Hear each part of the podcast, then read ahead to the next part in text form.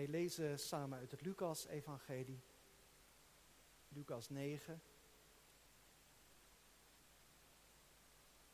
vanaf vers 18 tot 22.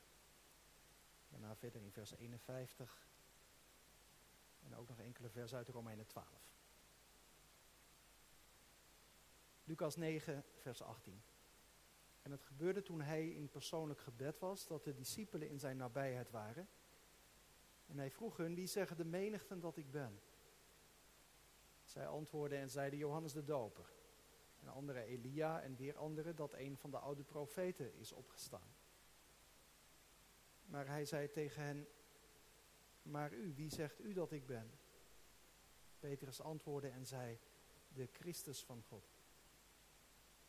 En hij sprak hen streng toe en beval dat zij dit tegen niemand zeggen zouden. Hij zei, de zoon des mensen moet veel lijden en verworpen worden door de oudste, overpriesters en schriftgeleerden. En hij moet gedood en op de derde dag opgewekt worden. Dan lezen wij verder in vers 51. Het gebeurde toen de dagen van zijn opneming vervuld werden, dat hij zijn aangezicht naar Jeruzalem keerde om daarheen te reizen. En hij stuurde boden voor zijn aangezicht uit. Op hun reis kwamen zij in een dorp van de Samaritanen om voor hem voorbereidingen te treffen. Maar zij ontvingen hem niet, omdat hij op reis was naar Jeruzalem, waarheen zijn aangezicht gericht was. Toen de discipelen, Jacobus en Johannes, dat zagen, zeiden zij, Heere, wilt u dat wij zeggen dat de vuur van de hemel moet neerdalen en hen verteren, zoals ook Elia gedaan heeft?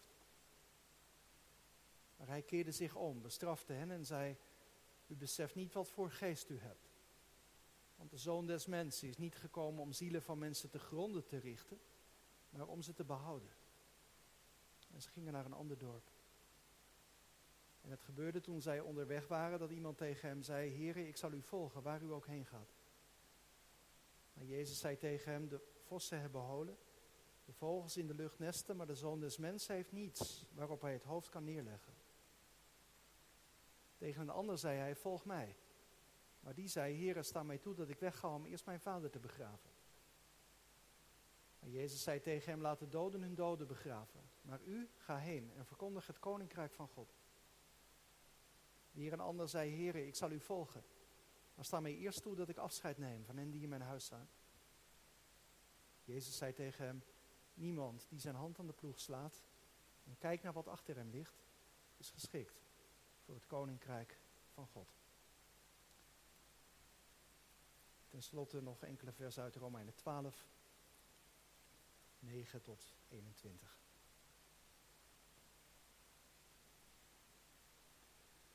Laat de liefde oprecht zijn, heb een afkeer van het kwaad en houd vast aan het goede. Heb elkaar hartelijk lief met broederlijke liefde. Ga elkaar voor in eerbetoon. Wees niet traag wat uw inzet betreft, wees vurig van geest, dien de Heer. Verblijd u in de hoop, wees geduldig in de verdrukking, volhard in het gebed. Wees deelgenoot in de noden van de heiligen. Leg u toe op de gastvrijheid. Zegen die u vervolgen, zegen hen en vervloek ze niet.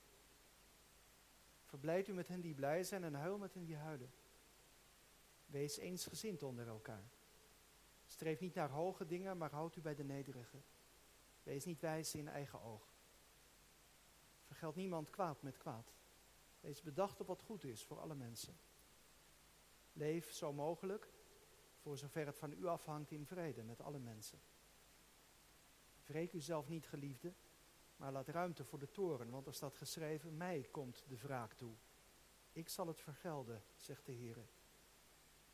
Als dan uw vijand honger heeft, geef hem te eten. Als hij dorst heeft, geef hem te drinken. Want door dat te doen zult u vurige kolen op zijn hoofd hopen. Word niet overwonnen door het kwade, maar overwin het kwade door het goede. Tot zover de lezing uit de Bijbel. Dit zijn niet zomaar woorden, maar dit zijn de woorden van God. Amen. In de preek gaat het in het bijzonder over de versen 51 tot en met 56. Lucas 9, 51 tot 56. En boven de preek heb ik geschreven heilig vuur. Een vraagteken en een uitroepteken.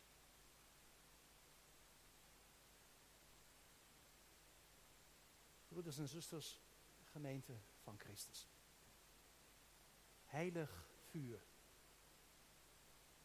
Die uitdrukking die wijst vaak op iemand die gedreven wordt door een grote passie. Er laait een vuur bij iemand en dat moet naar buiten. In de Bijbel lees je dat bijvoorbeeld bij de profeet Jeremia. Een profeet die op allerlei manieren de voet wordt dwarsgezet. Hij komt zelfs in de gevangenis terecht. Jeremia 20 kun je dat lezen. En dan op een bepaald moment dan zit hij zo diep dat hij zegt, ik stop ermee. Ik ga nooit meer namens God wat zeggen. Maar, zegt hij dan, het wet in mijn hart als een brandend vuur. Ik kon het niet tegenhouden om over God te spreken. Er was in zijn leven een heilig vuur en daar werd hij door voortgedreven. Nou, zulke mensen zijn er altijd wel geweest. Niet alleen in de tijd van de Bijbel. Ook niet alleen christenen. Mensen die onafgebroken een strijd voeren.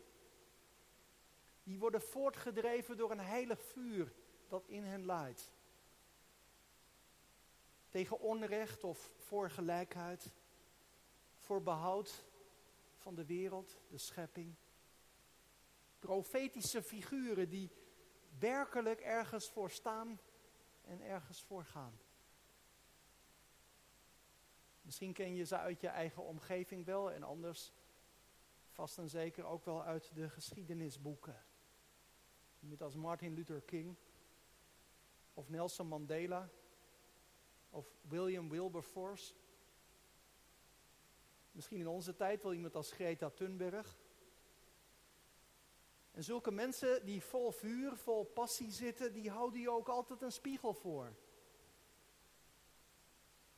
Die vragen je eigenlijk, hoe staat het met jouw leven?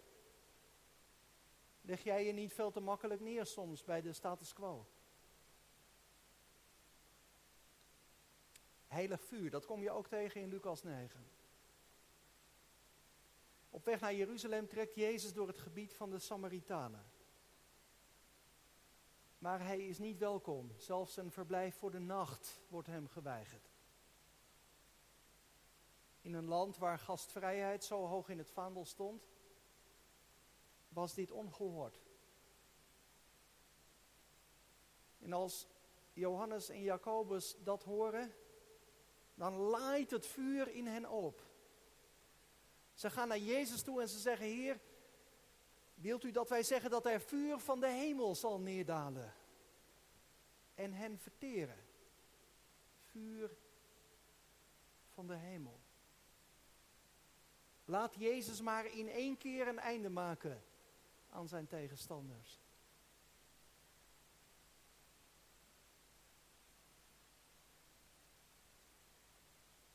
Ik denk dat wij allemaal wel iets van het ongemak voelen bij zo'n geschiedenis. Is wat Johannes en Jacobus hier laten zien geen bevestiging van de populaire gedachte dat geloof leidt tot agressie. Dat hoor je misschien nog alles zeggen. Geloven, dat leidt alleen maar tot uitsluiting. Tot agressie. Al die oorlogen in deze wereld, die hebben allemaal met geloof te maken.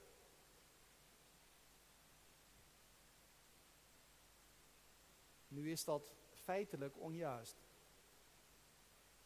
Het grote merendeel van de conflicten en oorlogen in de wereldgeschiedenis was niet godsdienstig gemotiveerd. Maar intussen horen we er wel steeds weer van van negatieve kanten die geloven met zich mee kan brengen. Uitsluiting, extremisme, soms ook echt geweld, zelfmoordaanslagen. En dat geweld is er niet alleen bij anders gelovigen, ook onder christenen gebeurt het dat geweld wordt gebruikt om het geloof te verdedigen. Geloof als een pressiemiddel. Om dwang uit te oefenen over iemand. Om maar te zwijgen over uitwassen als het opblazen van abortusklinieken in Amerika. Of mensen met het zwaarte op de keel vragen om zich te bekeren. Heilig vuur, ja, een, een grote passie hebben omwille van geloof of een overtuiging, dat kan iets heel moois hebben. Maar het kan ook te ver gaan. Veel te ver. Even over Lucas 9. Dat hoofdstuk, we lazen een paar stukjes uit. Hoofdstuk waarin heel veel gebeurt en dat ook in het Lucas-evangelie een cruciale rol speelt. Lazen in vers 21 en 22 de eerste lijdensaankondiging van Jezus. De mensenzoon moet veel lijden en verworpen worden door de oudste overpriesters en schriftgeleerden. En moet gedood en op de derde dag opgewekt worden. En dan een week later, dan neemt Jezus Petrus, Johannes en Jacobus mee een berg op. De leerlingen vallen in slaap, maar als ze dan wakker worden, dan zien ze Jezus met twee andere mannen in gesprek. Het zijn Mozes en Elia. Moet je maar kijken, staat in Lucas 9, vers 30. En staat er dan ook bij, zij praten met Jezus, over, vers 31, over zijn heen gaan. Dat hij zou volbrengen in Jeruzalem. Letterlijk staat er, zij praten over zijn exodus. de exodus, de uittocht uit Egypte, het moment in de geschiedenis van Israël. Dat is wat Jezus nu gaat doen. Hij gaat bevrijding brengen. Een bevrijding die nog veel verder gaat dan die bevrijding uit Egypte. De bevrijding van de macht van de farao. Ze praten met Jezus over zijn exodus. Jezus gaat naar Jeruzalem om bevrijding te brengen. Nou, en het bijzondere van dat Lucas-evangelie is dat dat dan vervolgens gecomponeerd is als een reisverhaal. Zo heeft ieder evangelie weer zijn eigen dingen. Lucas die maakt er een reisverhaal van. Dat, dat reisverhaal dat begint in vers 51. En nou, je, je ziet het met name ook wel in die versen 51 tot 56 heel nadrukkelijk ook wel, doordat er verschillende woorden worden gebruikt die met een beweging te maken hebben. Reizen, gaan, op reis gaan. Een beweging. Jezus begint aan de reis naar Jeruzalem en die loopt dan in Lucas helemaal door tot hoofdstuk 19, vers 48. Dan is Jezus, om zo te zeggen, op zijn bestemming in Jeruzalem aangekomen. En dat begint dus hier in vers 51 van Lucas 9. Jezus staat er, keerde zijn aangezicht naar Jeruzalem om daarheen te reizen. Dat klinkt een beetje plechtig. Het is een uitdrukking die vastberadenheid uitdrukt. Jezus die laat van begin af aan zien dat hij daar naartoe moet en dat hij daar ook niet van af is te brengen. En zoals je soms ook van die mensen hebt die, die heel duidelijk een bepaald doel voor ogen hebben. Misschien jij wel. Ehm, je weet al van kinds af aan wat je later wilde worden. En niemand kon je daarvan afhouden. Vastberaden ging je op je doel af. Ook als dat soms moeilijk was. Dat is wat Jezus hier doet. Vastberaden de weg inslaan naar Jeruzalem. Bemoedigd door die ontmoeting die hij hiervoor had met Mozes en Elia op de berg.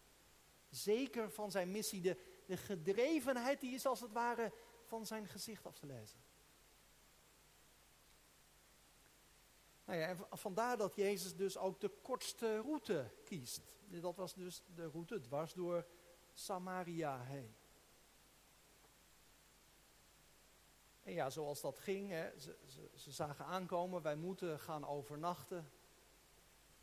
En een paar discipelen werden vooruitgestuurd om onderdak te zoeken. Maar dat loopt spaak. Volgens vers 53 is Jezus niet welkom, juist omdat hij op reis is naar Jeruzalem. Jezus wordt buiten de deur gehouden in een land waarin gastvrijheid zo hoog in het vaandel stond, was dat ongehoord. Nou ja, wij hebben denk ik allemaal wel eens iets gehoord van die slechte verstandhouding die er was tussen Joden en Samaritanen. En dat zat dus ook al in het geding rond Jeruzalem. Hè. Was nou Jeruzalem de plek waar je God moest aanbidden? Of was dat de berg Gerizim? En, en zo waren er veel meer van die kwesties die ook vaak met geloof te maken hadden. Het was water en vuur tussen Joden en Samaritanen. Jezus wordt een plaats geweigerd. En, en als dan die boden terugkomen, dan, nou, Johannes en Jacobus die horen dat en die worden dus furieus. Ze zijn echt verschrikkelijk verontwaardigd over wat hier gebeurt. En ze gaan naar Jezus toe en ze zeggen, ja maar, dat, dat, dat kunt u toch niet over uw kant laten gaan, of wel? Wilt u dat wij zeggen dat er vuur van de hemel moet neerdalen. Zoals ook Elia gedaan heeft. Nou ja, dat zou zomaar kunnen dat ze daar inderdaad even aan moesten terugdenken. Juist omdat ze Elia net op die berg hadden gezien. Hè? Als er nou één profeet is die een heilig vuur in zich had, dan, nou, dan moet je in ieder geval ook denken aan Elia profeet die heel radicaal was. Die vol vuur de geboden van God had gepredikt. En die de mensen op een, tot een radicale keuze had gedwongen. Daar op die berg Karmel, hè, met die, Baalpriesters die vuur uit de hemel probeerden te af, af te smeken. En toen had Elia gezegd uiteindelijk van, kies wie je dienen wilt. aan welke kant staan jullie? En in 2 Koningen 1 kun je lezen dat op bevel van deze Elia tot twee keer toe vuur uit de hemel neerdaalt. Op knechten van koning Ahazia. Jacobus en Johannes weten zich aangesproken door deze Elia. Door zijn compromisloze houding. Door zijn ijver voor de eer van God. En ze denken, zijn die Samaritanen met hun belediging van Jezus niet even slecht als die hoofdman uit het Oude Testament die de profeet Elia beledigde? Dat is toch eigenlijk net zoiets? En een heilig vuur begint in hen te branden.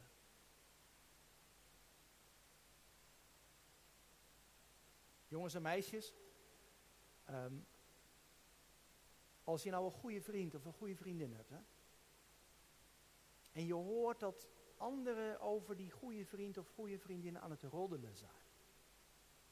Gemene praatjes aan het vertellen over jouw vriend. Of als jouw beste vriendin gepest wordt. Wat doe je dan? Laat je het maar gebeuren? Denk je, Laat maar praten. Laat maar pesten. Niks erg. Of ga je er tegenin? Nou, dat denk ik wel, hè? Natuurlijk doe je dat. Je zegt, dat klopt helemaal niet wat jullie zeggen. Zo is mijn vriend helemaal niet. Dat zou die nooit doen. Praat niet zo lelijk over hem. Of je neemt het op voor je vriendin als ze gepest wordt. Zeg, stop daarmee.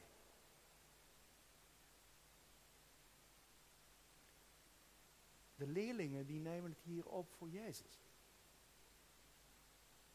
Ze zijn hevig verontwaardigd. Ik dacht, dat is misschien ook wel even een spiegel voor ons. Goed om daar even in te kijken. Heb jij dat ook wel eens, als het gaat over God, over Jezus? Dat je je echt van binnen geraakt voelt. Als mensen het christelijk geloof zo heel makkelijk wegzetten. Of als je een baantje hebt in een omgeving waar voortdurend gevloekt wordt. Hartstocht voor God, voor Jezus. Of, of ook dat je soms een heel diepe passie kunt voelen voor mensen die, die hem nog niet kennen. Je gunt de ander het evangelie zo.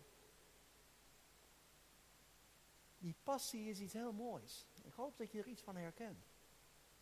Dat zegt dat het evangelie je hart geraakt heeft. Dat je de eer van God op het oog hebt.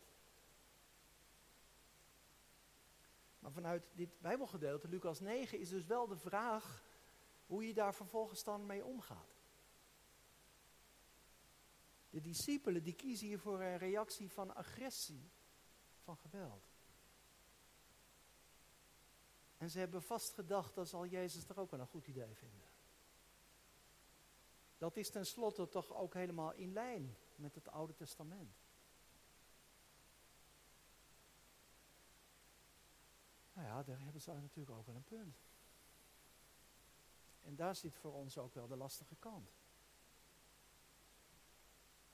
Wij kunnen wel de vinger leggen bij de gewelddadigheid van extremistische moslims, maar hoe zit het met ons eigen Oude Testament?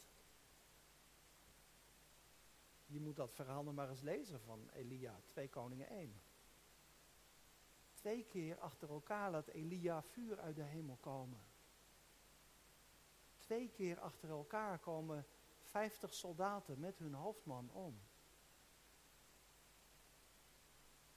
Niemand van ons kan volgens mij zulke geschiedenissen zonder ongemak lezen. En dat is dan nog maar één voorbeeld.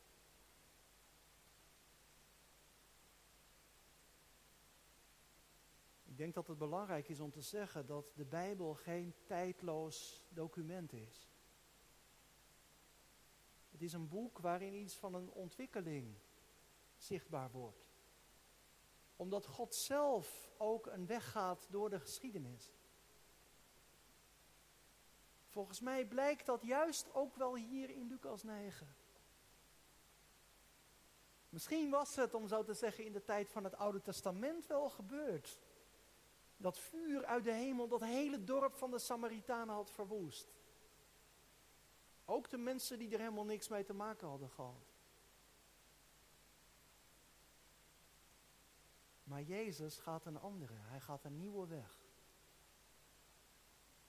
Jezus markeert een volstrekt nieuwe inzet van God. Niet met geweld komt hij zijn koninkrijk vestigen. En zijn leerlingen die zullen dat ook niet doen.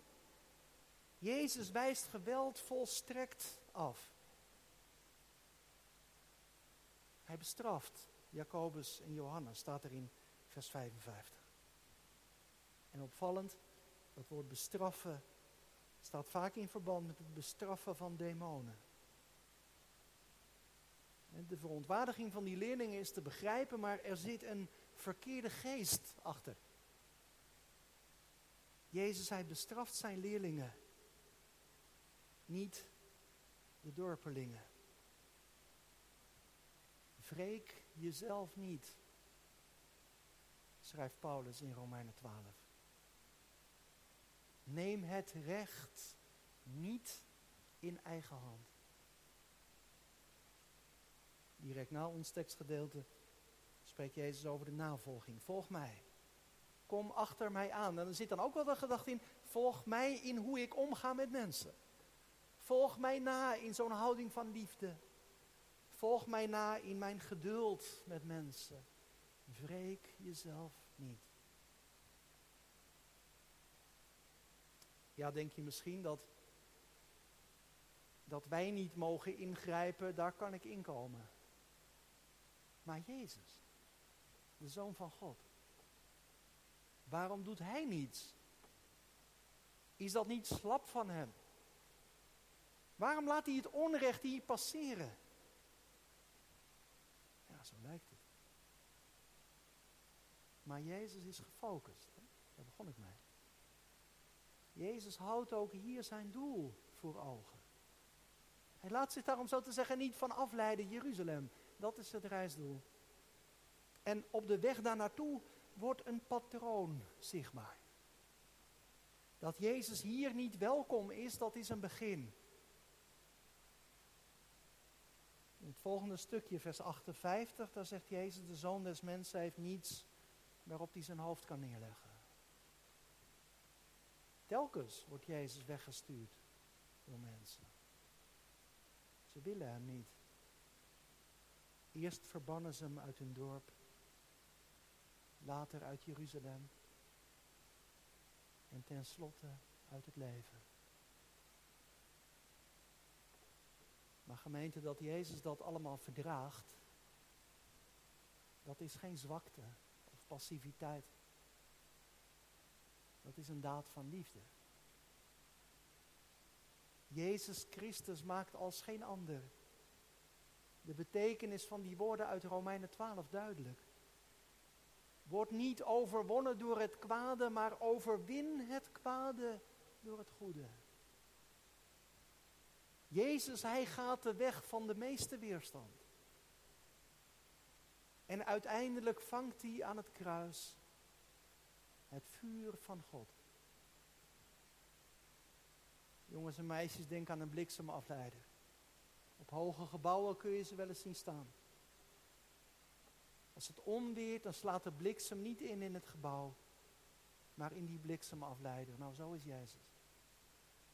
Hij vangt het vuur van Gods boosheid. Voor ons, voor jou, voor u, voor mij. Alles komt samen in dat laatste vers. Vers 56. De zoon des mensen is niet gekomen om zielen van mensen te gronden te richten, maar om ze te behouden. Over een heilig vuur gesproken, in Jezus brandt een heilig vuur, niet om mensen te vernietigen, maar om ze te behouden.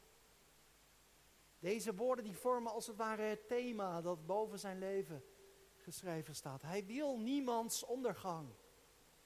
Hij komt om te redden. En dat doel houdt hij vast tot op het kruis. Jezus laat die dorp in Samaria achter zich. Zo eindigt het. Hij, hij schudt als het ware het stof van zijn voeten en hij loopt verder.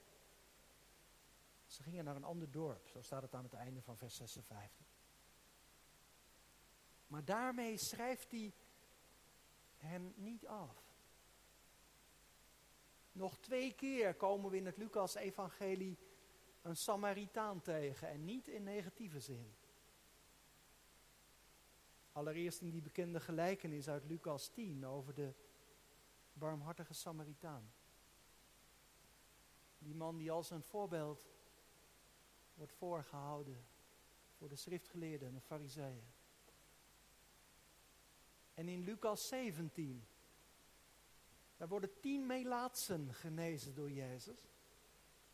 De enige die terugkeert om hem te bedanken, dat is een Samaritaan. Maar het mooiste komt nog. Je zou kunnen zeggen, de wraak tussen aanleidingstekens van Jezus, die is zoet. Vers 51 beginnen te worden het geschieden toen de dagen van zijn opneming vervuld werden.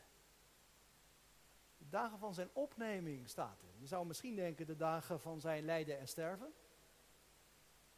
Maar Lucas die kijkt als het ware al verder.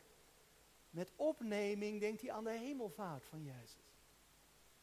Jezus gaat heen, maar hij belooft zijn Heilige Geest. Je zou kunnen zeggen nog even, nog even en er valt inderdaad vuur van God uit de hemel. Niet vernietigend, maar vernieuwend. Het vuur van de geest komt naar beneden. En gedreven door de Heilige Geest trekken mensen erop uit.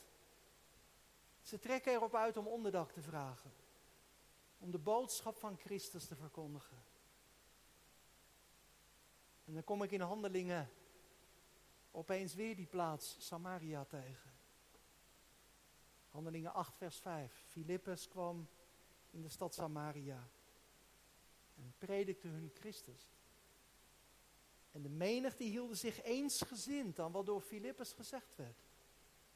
En er kwam grote blijdschap in die stad, staat er. Heel Samaria komt tot geloof en bekering. Omdat Jezus hier geduld met heeft.